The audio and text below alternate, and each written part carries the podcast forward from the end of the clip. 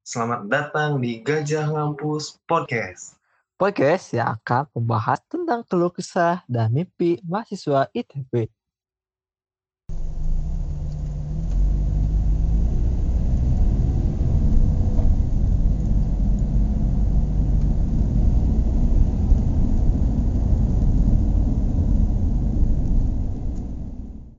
Oke, jadi kami berdua adalah mahasiswa stay angkatan 2019.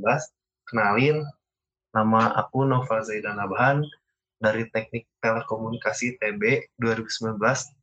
Dan ini ada teman aku. Halo, kenalin, nama saya Muhammad Azhar Rahman. Saya dari Teknik Informatika ITB tahun 2019.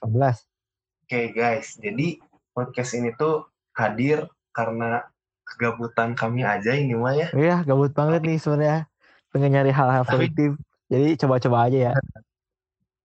Tapi di sini kami mau sharing-sharing aja nih sama kalian-kalian yang lagi memperjuangkan uh, PTN-nya atau kalian para pejuang PTN 2020 atau yang akan menjadi pejuang PTN. Di sini kami mau sharing-sharing aja tentang bagaimana sih kami supaya bisa lolos PTN. Mantap banget. Jadi stay tune terus ya di podcast ini. Nazar, mana kabarnya nih? Selama di rumah aja. Waduh, gabut banget. Sekalian aku cuma rebahan doang. Paling main game itu pun kalau nggak ada yang ngajak atau pengen. Tapi kan kalau rebahan aja sebenarnya bisa ngasih duit loh. Wah iya, gimana Pak? Kalau di Twitter tuh ada yang biasanya apa sih suka ngepromosiin rebahan dapat duit loh. Wih, Boleh tuh. Tapi Kalau bisa mah, kalau bisa mah sampai rebahan, turun uang sejuta, nah mantap. ya. Dapat duit Pengen. kalau rebahan doang mah. Pengen banget dong kalau gitu. Nah, Zar, Lalu gi- kita kuliah rencananya online lagi gitu ya? nah, kayaknya sih, tapi belum ada kepastian juga, tapi kayaknya 90% bakal online sih. Jadi ya persiapkan aja rebahan lagi di rumah. Karena gue sebenarnya sama rasa-rasa di kampus nih, udah pengen banget ketemu temen-temen di kampus, nerima asik-asiknya, ada bebannya juga, kangen pokoknya. Ya, asik banget pokoknya ternyata kuliah offline lebih ramai ya daripada kuliah online. ramai banget walaupun bebannya luar biasa berat tapi karena kita bareng-bareng ada teman-teman yang sama-sama ngerasa terbebani jadi ya semuanya jadi ringan Oke, jadi nah, kalau jatuh jatuh bareng, kalau naik naik bareng gitu kan. iya dong asik loh serius asik banget Nah, Zar, kita mulai dari mana nih? hmm dari mana ya mungkin dari kita bakal sharing-sharing dari eh, cara masuk ITB ya Oke. Nah, Zar, oh iya guys, kita mau ngasih tahu. Jadi kita tuh masuk ke stay ITB lewat jalur SNMPTN. Oh Zar, PTW, aku juga sebenarnya nggak tahu loh masuk SNMPTN itu penilaiannya gimana. Aku cuma tahu masuk masuk aja. Tapi kamu tahu oh, sebenarnya kayak gimana sih penilaian SNMPTN itu? hmm, gimana ya sebenarnya gue sendiri pun kurang tahu karena penilaian SNMPTN yang resminya itu eh goib lah istilahnya nggak ada yang tahu nggak pernah di share gimana sih cara lolos SNMPTN nggak ada sebenarnya nah, tapi mungkin ada beberapa hal nih yang bisa naikin peluang kalian buat lolos lewat jalur SNMPTN Nah, apa tuh? Oke, mungkin buat kalian yang nggak tahu, jalur SNMPTN sendiri ini dulunya namanya jalur undangan, tapi sekarang jadi seleksi seleksi apa ya? Aku lupa. Aku lupa. eh jadi SNMPTN singkatan dari apa sih? SNMPTN singkatan dari apa? Seleksi nasional masuk perguruan tinggi negeri ya enggak sih? Jadi SNMPTN sendiri, sendiri jadi SNMPTN sendiri itu adalah singkatan dari seleksi nasional masuk perguruan tinggi. Dulu biasa disebut dengan jalur eh, jalur undangan lah ya. Tapi sekarang namanya biar resmi jadi SNMPTN. Nah, cara apa sih eh cara penilaiannya itu tuh nggak pernah di share secara resmi. Jadi kadang tahu. Tapi bukan berarti nggak ada tekniknya atau strategi yang nggak bisa kita gunakan. Ada teknik dan strategi yang bisa kita gunakan. Karena jalur SNMPTN sendiri ini banyak yang bilang jalur gacha padahal atau jalur judi. Padahal kan gacha atau judi juga harus pakai strategi kalau mau menang, ya nggak? Iya, iya betul juga. Oke, mungkin udah ngawur tapi ya kayak gitu kira-kira. Nah, apa ya sih? Apa aja sih yang bisa naikin uh, peluang lu bisa masuk lewat cara SNMPTN? Apa lagi, Zar?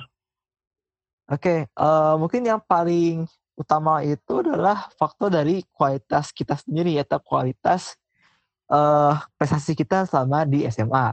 Prestasi ini diukur pertama dari nilai rapot dan banyaknya prestasi-prestasi non akademik atau akademik lainnya.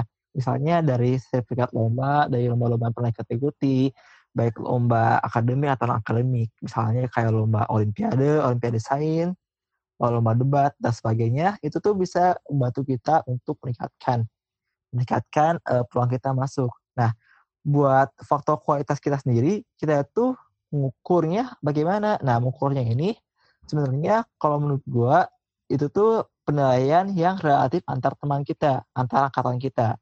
Nah, kalau kita bisa jadi yang terbaik di sekolah, insya Allah bisa masuk jalur SNPTN. Walaupun gue nggak nyamin ya, soalnya ini uh, cuma meningkatkan peluang, nggak menjamin. Jadi sebisa mungkin kalian tuh mengasah nilai rapot kalian dengan cara ujian yang baik, punya nilai konsistensi ya tarafnya pun tinggi dan kalau bisa pun masuk ke uh, uh, 10 besar di sekolah kalian biar meningkatkan peluang kalian masuk lewat jalur SMPTN. Kayak gitu kira-kira kalau dari faktor siswa. Nah kemudian ada juga nih faktor dari indeks sekolah nilai sekolah ini tuh adalah gimana sih sekolah itu kualitasnya. Mungkin ya kita pernah kenal ada sekolah favorit gitu ya kan? Iya, iya. Tapi kan Zar, kalau misalkan dilihat dari PPDB PPDB yang sekarang-sekarang ya, kan hmm. kita tuh udah apa ya namanya SMA SMA tuh udah mener, sudah menerapkan zonasi zonasi kan. Nah iya bener banget karena tuh zonasi lagi ya, bukan pakai nilai UN lagi ya, jadi kan zonasi itu kan menyebabin eh, nggak uh, ada lagi sekolah-sekolah favorit. Nah, apakah nah, iya, betul. nanti bakal sama gitu indeks sekolah bakal tetap berpengaruh atau ada penyesuaian-penyesuaian? Menurut nah, kamu? Kalau gua kalau kalau gua lihat sih dari teman-teman gua tuh banyak kan masih berasal dari sekolah-sekolah favorit juga yang masuk ke SNMPTN dikit yang masuk dari sekolah-sekolah biasa aja. Oh ya, kebetulan gue sendiri nih bukan dari sekolah favorit ya. Gue dari SMA yang biasa-biasa aja di kota Bandung. Gak bener-bener bagus lah. Gak bener-bener juga. Jadi ya, biasa-biasa aja menurut gue. Yeah. Nah, kalau gue lihat nih teman-teman gue itu kebanyakan dari SMA favorit itu sampai puluhan. Sedangkan kalau di gue sendiri, yang masuk ITB cuma 8 atau 5 orang, gak lebih dari 10 dari SMPTN. Jadi dikit lah Sedangkan sekolah favorit itu wah luar biasa banyak. Mungkin itu salah satu contoh nyata masih adanya sekolah prestasi. Nah, tapi mungkin ke depannya bakal gak kayak gitu lagi. Karena kan ada zonasi yang mungkin kualitas siswanya pun bakal lebih merata ke semua bakal lebih merata ke semua sekolah-sekolah diharapannya seperti itu. Nah, kemudian uh, indeks sekolah ini itu kan buat mengukur prestasi ya kan. Nah, tapi sebenarnya ada hal-hal lain juga sih yang di yang lebih penting. Antara lainnya akreditasi sekolah makin tinggi akreditasi sekolah ya tentu bakal makin bagus juga ya kan. Kemudian ya. ada juga nih prestasi alumni selama di PTN yang dituju. Jadi kalau alumni kita lulusan yang lulusan sekolah kita yang masuk ke kampus, dia itu berprestasi di sekolahnya, misalnya IPK yang tinggi, punya prestasi-prestasi yang banyak, nah itu tuh bisa juga menaikkan indeks sekolah, indeks prestasi sekolah. Jadi semakin banyak alumni-alumni yang prestasi, maka sekolah lu tuh semakin dilihatlah sama uh, sama penilaian dari SNMPTN sendiri. Nah, tapi ada juga nih uh, selain itu juga kita pun bisa ngelihat berapa banyak sih alumni-alumni kita yang masih diterima lewat SNMPTN. Itu tuh salah satu faktor juga buat bisa diterima.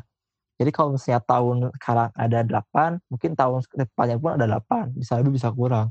Dan kalau misalnya alumni lu bagus, mungkin tahun depan bisa naik. Tapi kalau alumni lu ada bermasalah, mungkin bisa turun. Dan jangan lupa juga ada track record dari sekolah lu sendiri, sekolah kalian sendiri. Track record tuh gimana sekolah kalian itu uh, punya uh, mata di PTN atau di perguruan tinggi.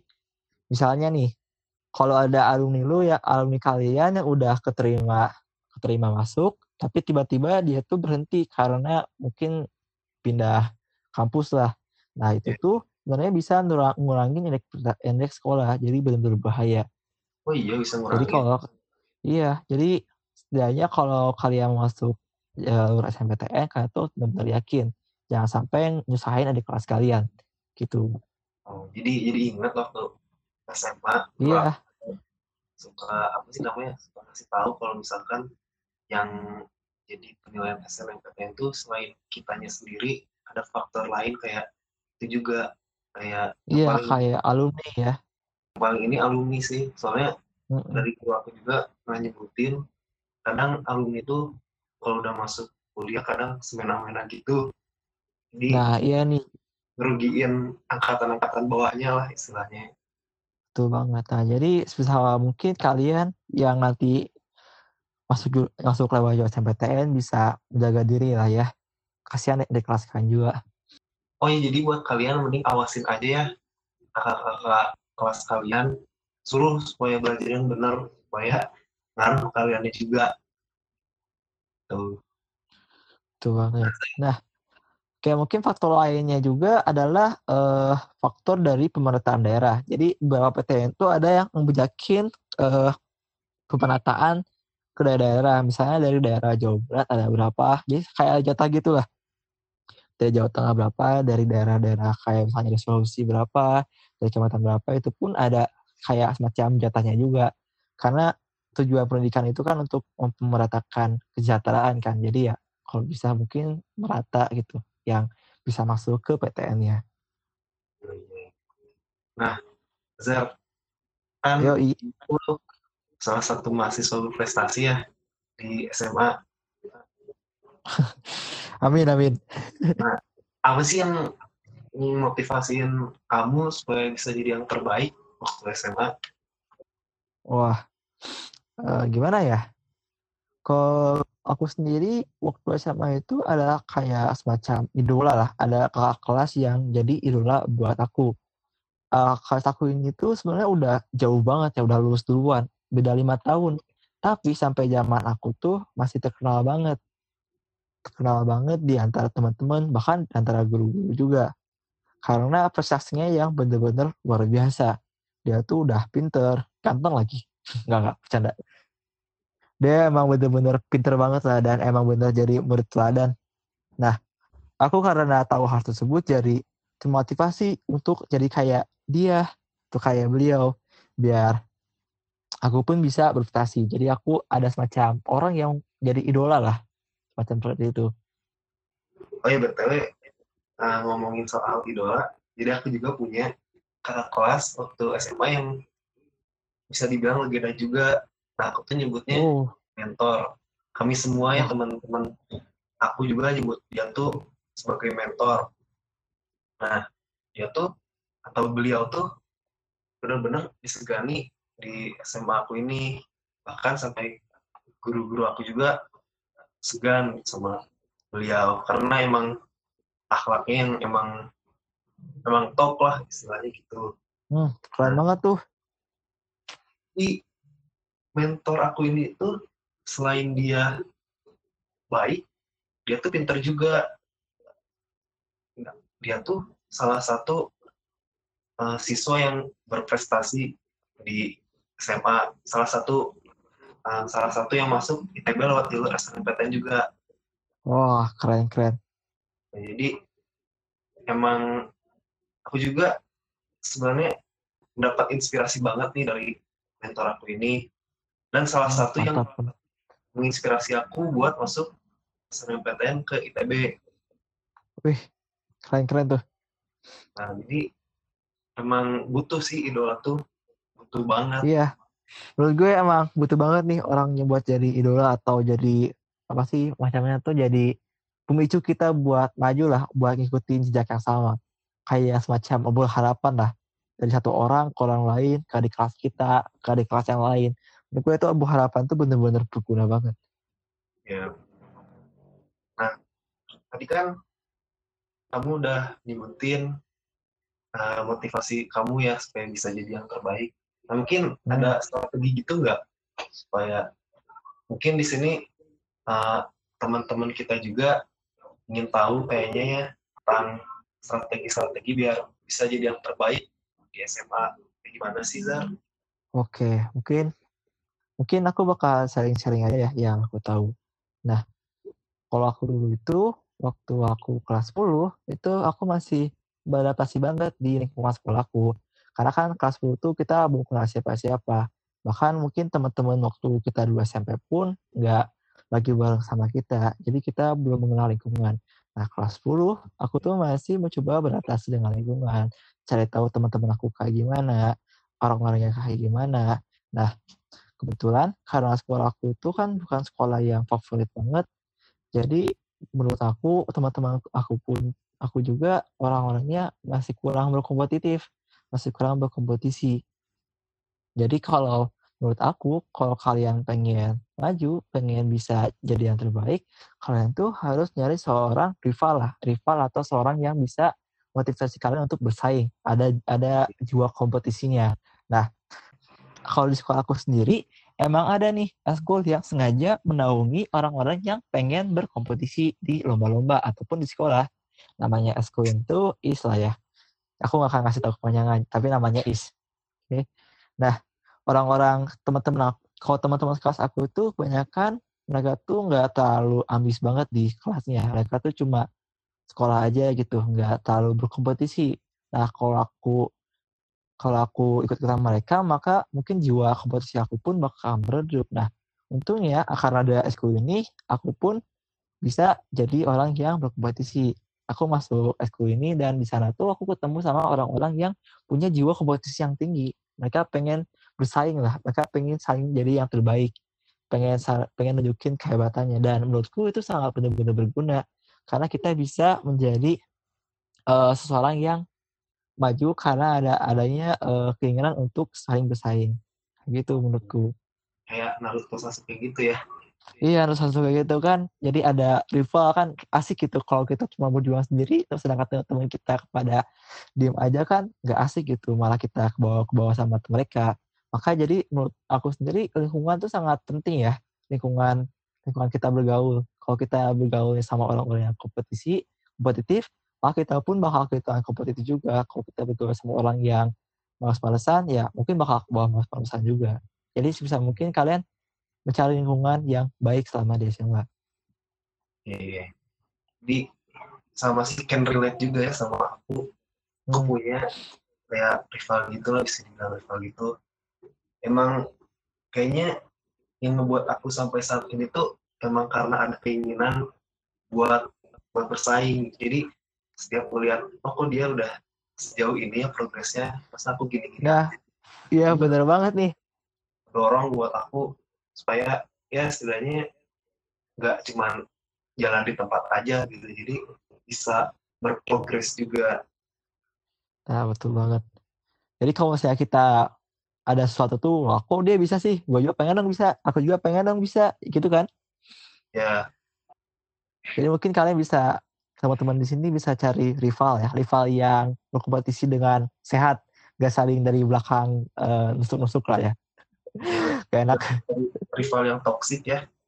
Iya, tapi rival yang bener-bener baik lah, yang bisa buat kalian maju. Cari aja mungkin pasti ada kok di sekolah kalian mana pun berada pasti ada orang yang ingin maju dan kalian bisa jadikan orang tersebut rival biar kalian bisa maju juga. Iya, iya. Oh iya, Zer. Alasan kamu milih ITB tuh apa sih? Kan soalnya aku kalau dulu tuh alasan masuk ITB karena emang aku kan asalnya dari SMA yang salah satu SMA di Bandung yang emang lulusan-lulusannya itu pada apa pada targetin ITB gitu. Nah kalau hmm. jadi karena hal itu aku juga jadi terpacu untuk mau masuk ITB. Mas, nah, kalau kamu Hmm, kalau aku sendiri sih awalnya nggak pernah kepikiran sih mau masuk ITB karena waktu awal-awal kelas itu aku masih beradaptasi lah belum tahu mau ke mana.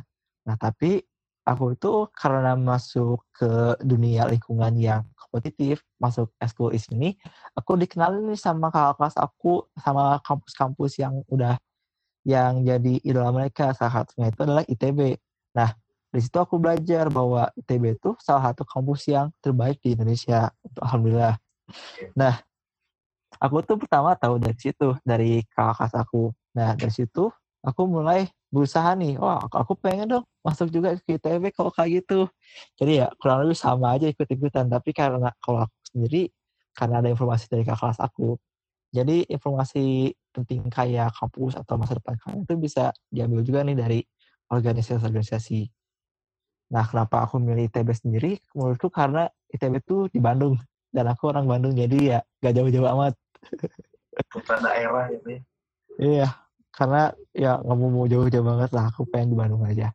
Tapi itu alasan nomor dua sih. Alasan nomor satu itu karena menurutku ITB itu salah satu kampus teknik terbaik di Indonesia. Dan aku tuh dari kelas 11 SMA pengen banget nih jadi insinyur tapi waktu itu nggak tahu banget mau jadi insinyur apa karena belum terlalu banyak informasi-informasi lah nah, sama kakak aku pun dikasih tahu bahwa ITB itu ada banyak jurusan salah satu jurusannya itu adalah STAY yaitu teknik sekolah teknik elektro dan informatika wah pengen dong aku masuk uh, elektro atau informatika kan sekarang ini lagi zamannya teknologi ya kan lagi yeah. Iya. uh, lagi berkembangnya teknologi banget pesat pasti dibutuhin dong sama orang-orang di teknologi tuh makanya ya gue memilih aku memilih untuk masuk ke jurusan ya ke fakultas deh tapi waktu itu aku nggak tahu masuk jurusan apa belum tahu jadi pokoknya masuk stay dulu aja karena menurutku yeah. stay itu banyak banget peluang-peluangnya untuk ke depannya oke okay.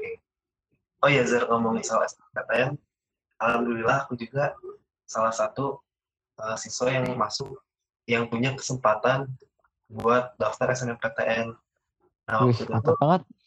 aku uh, ngedaftarinnya tuh stay pilihan pertama dan pilihan kedua itu teknik elektro GM. Karena memang dari dulu ingin banget ke teknik elektro ya kalau nggak elektro informatika tapi waktu itu tuh hmm. ingin ke elektro itu Wih, mantap mantap. Mantap mantap. Nah mungkin buat kalian yang pengen tahu stay sendiri itu stay ini kan ada enam jurusan ya kan? Ada jurusan ya. teknik informatika teknik eh, sistem informasi dan teknologi sistem teknologi dan informasi ada teknik elektro teknik biomedis teknik telekomunikasi sama teknik apa lagi ya oh teknik tenaga listrik satu lagi jadi ada enam enam jurusan di ya. stay ini Nah, untuk ITB sendiri, kita waktu milih SNMPTN itu nggak langsung milih jurusan, beda sama kampus-kampus lain. Nah, itu disuruh untuk milih fakultas. Fakultas sendiri itu ada banyak, salah satunya stay. Mungkin masih banyak fakultas teknik lain juga, ya kan? Iya, iya benar. Jadi buat buat kalian ya, kalau mau masuk ke ITB itu nggak bisa langsung milih jurusannya. Hmm, betul banget. Soalnya di sini tuh kita harus pilih fakultasnya dulu terus nanti kita bakal uh, apa ya bakal uh, masuk ke TPB atau tahap persiapan bersama nah di situ hmm. tuh kita disiapin buat uh, ilmu-ilmu yang ilmu-ilmu dasar buat nanti masuk jurusan nah iya betul banget tuh oh iya Zar aku tuh gak, gak suka gitu sama orang yang mau masuk IPB itu cuma karena gengsi doang. Wah iya itu bener banget tuh. Maksudnya teman-teman aku mungkin beberapa ya yang maksa banget masuk ITB padahal bukan jurusan atau fakultas yang mereka inginin. Nah iya. Tapi aku juga wajar sih kenapa mereka bisa masuk ITB karena uh, orang tua mereka mungkin ya faktor orang tua juga yang gak mau anaknya ngerantau jauh dia ingin ingin di Bandung rumah. aja ya nggak usah jauh-jauh di Bandung aja tapi buat kalian ya yang maksudnya yang dikasih kebebasan buat milih apalagi susah tahu dapat kebebasan buat milih apa yang kalian ingin itu dari orang tua susah banget. Betul banget tuh. Dan alhamdulillah aku dikasih kebebasan ya alhamdulillah dikasih kebebasan semua orang tua buat tentuin masa depan aku sendiri. Ih, mantep tuh. Jadi coba deh kalian kayak riset-riset itu tentang kampus dan jurusan yang kalian ingin. Jangan hmm, sampai betul. kalian ngerasa salah jurusan. Soalnya Hmm. kalau misalnya kalian udah ngerasa salah jurusan nanti pas waktu belajar di kuliah benar-benar gak bisa enjoy gitu Kalau sesuai dengan minat kita ya kan? ya jadi apa di dibawa dibawa jadi bawaannya tuh beban doang Hmm. Tuh, tuh. jadi usahain riset-riset dulu gitu. terus jangan ikut-ikutan orang lain kalau misalnya kalian emang ingin jurusan yang kalian inginin itu emang passion kalian walaupun dianggap sebelah mata ya udah lanjutin aja gitu gas aja gitu Gas aja ya. oh ya Zar setelah kamu tahu kamu itu keterima stay gimana gimana perasaan kamu Waduh. Asalnya sih aku ini pertama nggak berharap banget ya masuk SNMPTN karena ya SNMPTN ini adalah gacha. Jadi nggak ada yang tahu kita bisa masuk atau enggaknya. Jadi buat kalian jangan terlalu berharap buat SNMPTN ya. Mending persiapin buat SPMPTN atau UTBK sekarang ini. Nah, tapi alhamdulillah aku ini bisa masuk lewat jalur SNMPTN. Waktu pengumumannya itu sebenarnya aku bukan aku yang buka, tapi kakak kelas aku sendiri yang ngebukain pagi-pagi aku diteror jam 5 pagi baru bangun tiba-tiba ditelepon Zar ini berapa kode SMPTN kamu langsung diminta dibukain waktu itu sama kelas aku itu dan alhamdulillah lulus. Waktu itu tuh. Wah, alhamdulillah. Banget gak nyangka gitu. Langsung berinding aja aku merasanya. Dan itu salah satu momen yang sangat membahagiakan dalam hidup aku. Bisa masuk ke eh, ke kampus impian sama ini. Seneng banget pokoknya. Ya, Kok- kamu gimana Zai?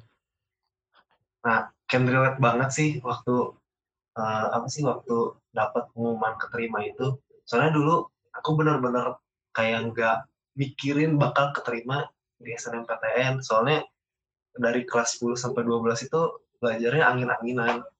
Apalagi Hmm. kelas 11 itu udah chaos sama urusan akademik lah.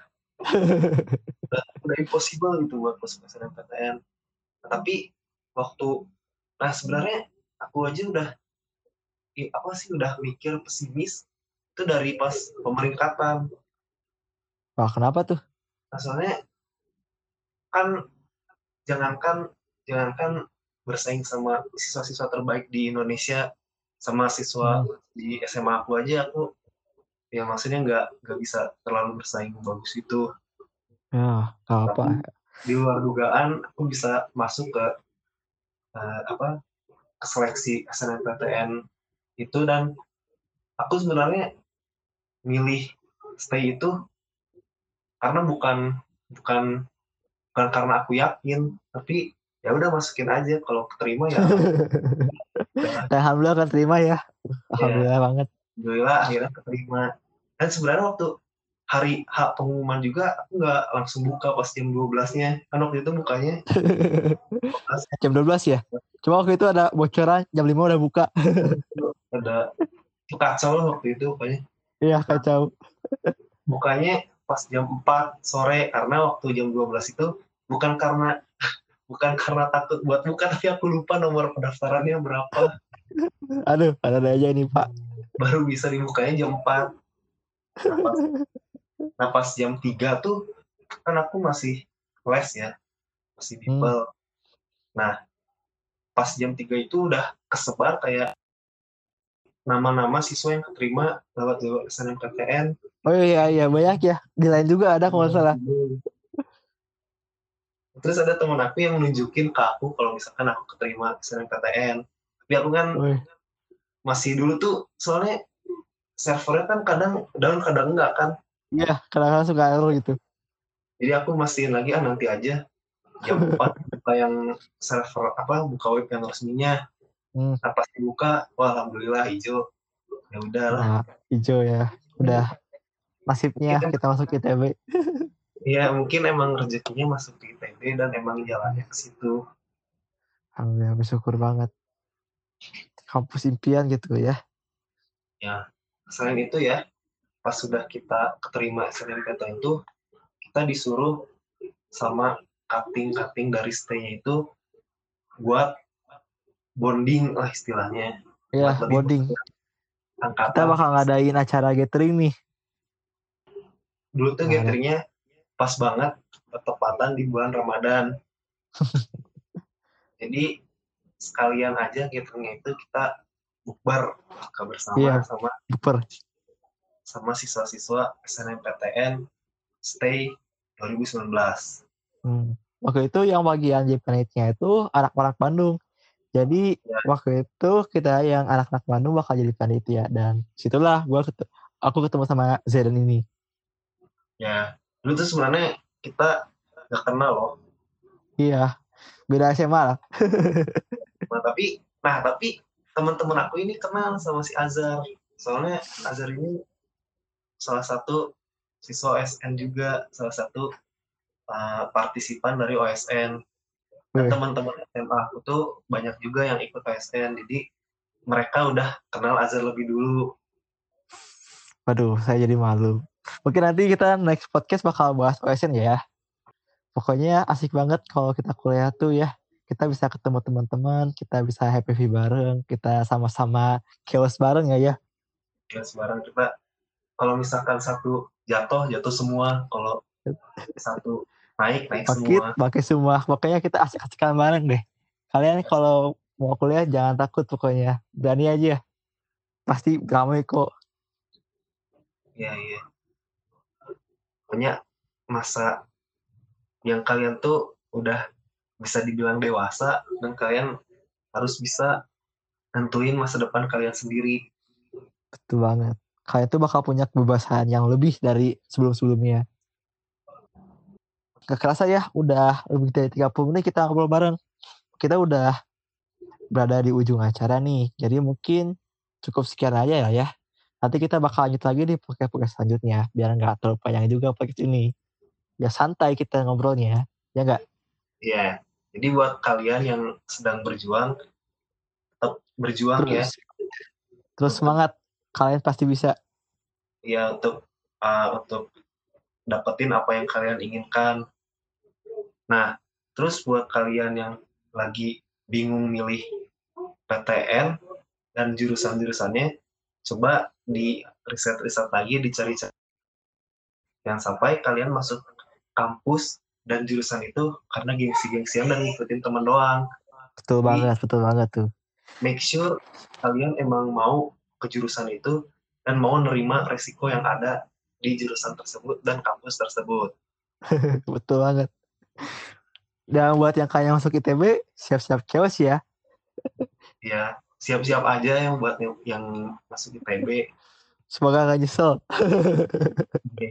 Semangat terus ya guys. Semangat terus guys. Kalian pasti bisa. Sampai jumpa di podcast berikutnya. Oke, dadah. Bye-bye.